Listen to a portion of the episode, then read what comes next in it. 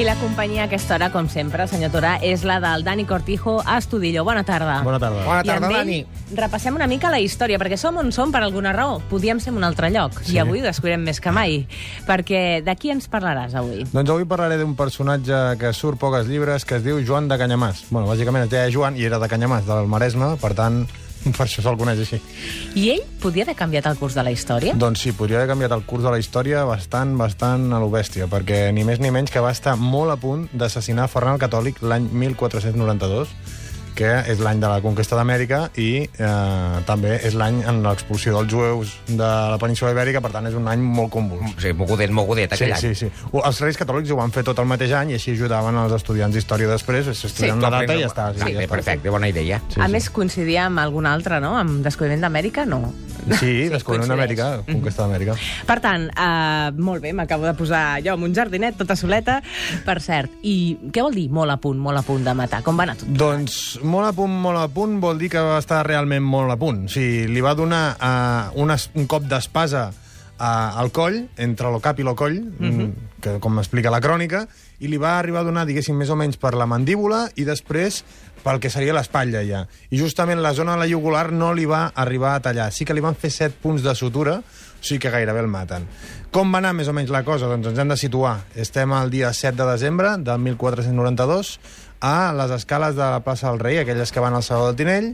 El rei Ferran el Catòlic havia tingut una audiència allà dins i en aquell moment, justament quan surt Ferran el Catòlic per aquelles escales, quan baixa, quan va davallar el segon grau, diu la crònica, doncs justament allà se li llançà un home amb una espasa curta, ampla, que tallava com la raó, això és, Que bones, és la crònica, cròniques, sí. i justament doncs, li donà un cap entre el cap i el coll, que si no fos per miracle el nostre senyor de la Verge Maria, que el rei aquell dia divendres dejunava, doncs lo cap de les espatlles en un pic li hagués llevat. Això explica la crònica. S'ho sap de memòria, no ho està estic llegint. mirant. No ho Sí. està llegint. oculto que, oculto que m'ho sé de memòria perquè és una mica... I quins motius podia haver tingut Joan de Canyamàs per atacar Ferran el Catòlic? Doncs a veure, mm, jo crec bàsicament que motius polítics. Mhm. Bàsicament per una cosa. Isabel la Catòlica després en uns escrits que fa diu que sobretot no eren motius polítics i insisteix tant que jo crec que segurament eren motius eren. polítics. Hem de pensar que venien de la guerra dels remenses, que era una guerra dels pagesos que lluitaven contra els senyors, eh, sobretot perquè no els deixaven, mm, els tenien com si fos dintre l'inventari de les terres, tu no et podies moure d'aquella terra, i a part hi havia els mals usos, que et podien pagar, torturar, fer el que volguessin aquells senyors, i diguéssim que Ferran el Catòlic en aquell moment feia poc que havia fet una sentència, que era la sentència arbitral de Guadalupe, que en principi era favorable als pagesos, però els pagesos més pobres quedaven pendonats perquè havien de pagar una multa per deslliurar-se d'això, i una de les teories diu que aquest senyor segurament era un senyor que li tenia mania personal al rei.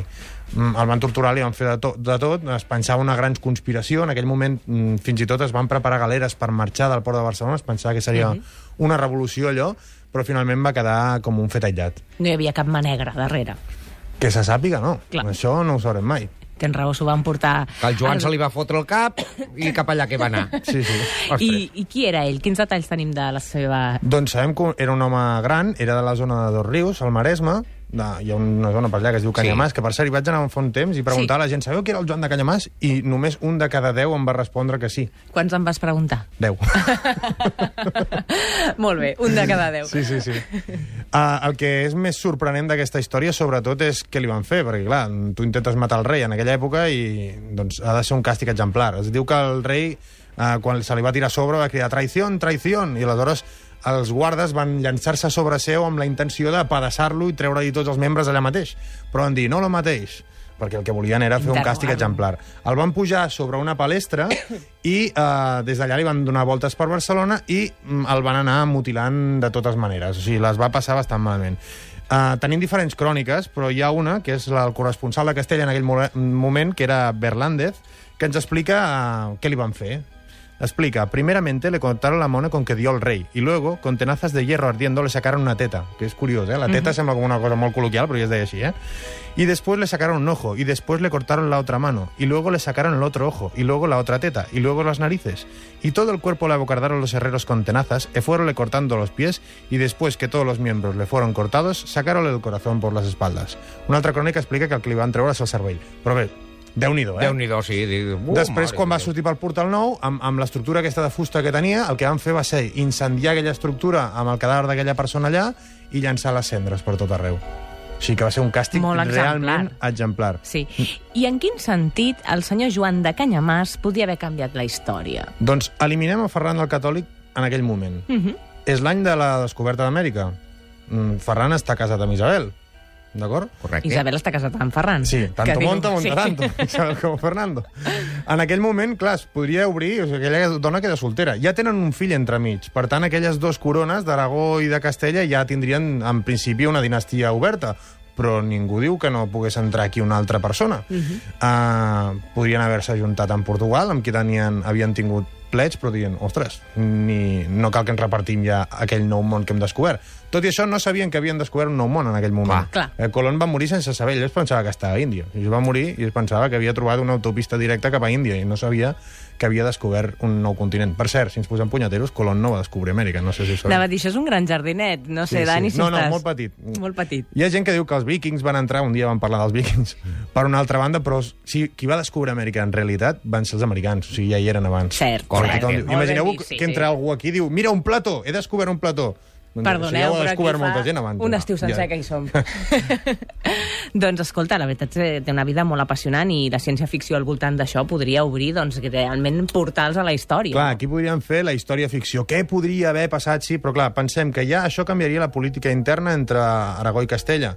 Però això també canviaria la política d'equilibri europea i la política de la, de la colonització de tota Amèrica. Per tant, si canviem tantes peces, vés a saber com Clar. pot acabar això. O sigui, Mhm. realment... És curiós perquè parles de peces, parles de context, Isabel, Ferran, tots el tenim al cap, Colom, però aquest nom, el de Joan de Canyamars, penso que passa desapercebut i tenint en compte que és tan important com és que no s'estudia o no està als llibres d'història. Jo crec que perquè realment no és tan important. Ah. Perquè al final no va passar res. Clar. Si l'arriba a matar, per als mil·límetres aquests que gairebé li dona a la vena vital, que expliquen les cròniques, doncs hagués canviat tota la història i realment no sé ni, ni, ni, ni què explicaria el llibre a partir d'aleshores, perquè podria haver canviat tot.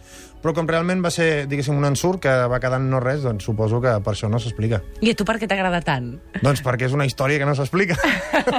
I algú l'ha d'explicar. De fet, Clar amb que aquesta història vaig obrir el blog en el seu moment. Doncs escolta, per cert, un blog que no us heu de perdre de visitar perquè, a més a més, eh, tens llibres i la història de la història de Barcelona és una de les publicacions de no ficció més venudes de l'any, però el teu blog és també dels més visitats i dels més documentats i dels més, eh, podríem dir...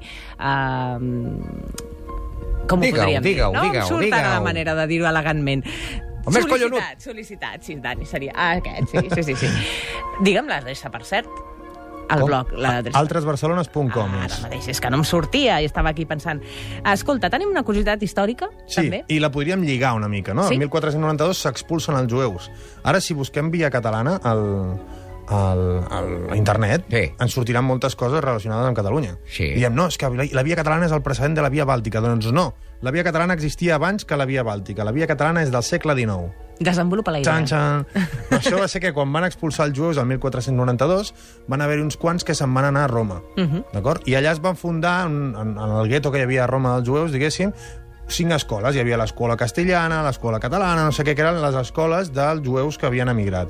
Aquella zona, després es van tirar les muralles del gueto al segle XIX, es va urbanitzar i un dels carrers de Roma es diu la Via Catalana, precisament en record d'aquells jueus catalans que havien estat expulsats pels reis catòlics. O sigui que sabem que la Via Catalana existia abans que la Bàltica, ja. Carai, la veritat és que, senyor Turà, vostè ara pot anar pel món amb el seu taxi i anar fardant d'històries que sàpiga que coneix i que ens Correcte. ha servit aquí setmana rere setmana el Dani Cortijo. No està malament. Gens, jo, coita, si, si, si, és que encara m'he quedat amb el del Joan de Canyamars. Sí. Perquè si no, igual ni els meus pares s'haguessin conegut, Però si hagués acertat.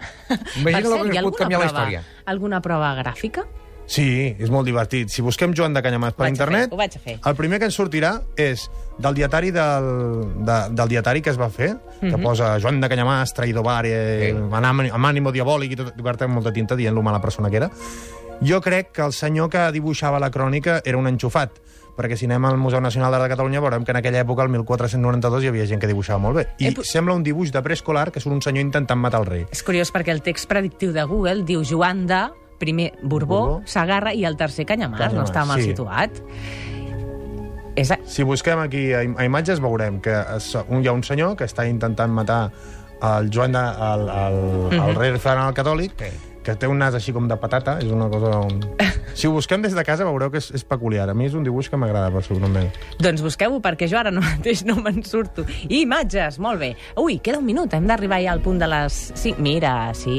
És cutre el dibuix, eh? Sí, sí, sí, sí, sí. No hi havia plastidècors en aquella època, noi? No, doncs no. no. Dani, un plaer de bo tenir-te cada dijous aquí, explicant-nos històries, la cara bé de la història i donant-nos amb aquesta dosi tan atractiva i tan agraïda per després explicar-la als altres, que carai.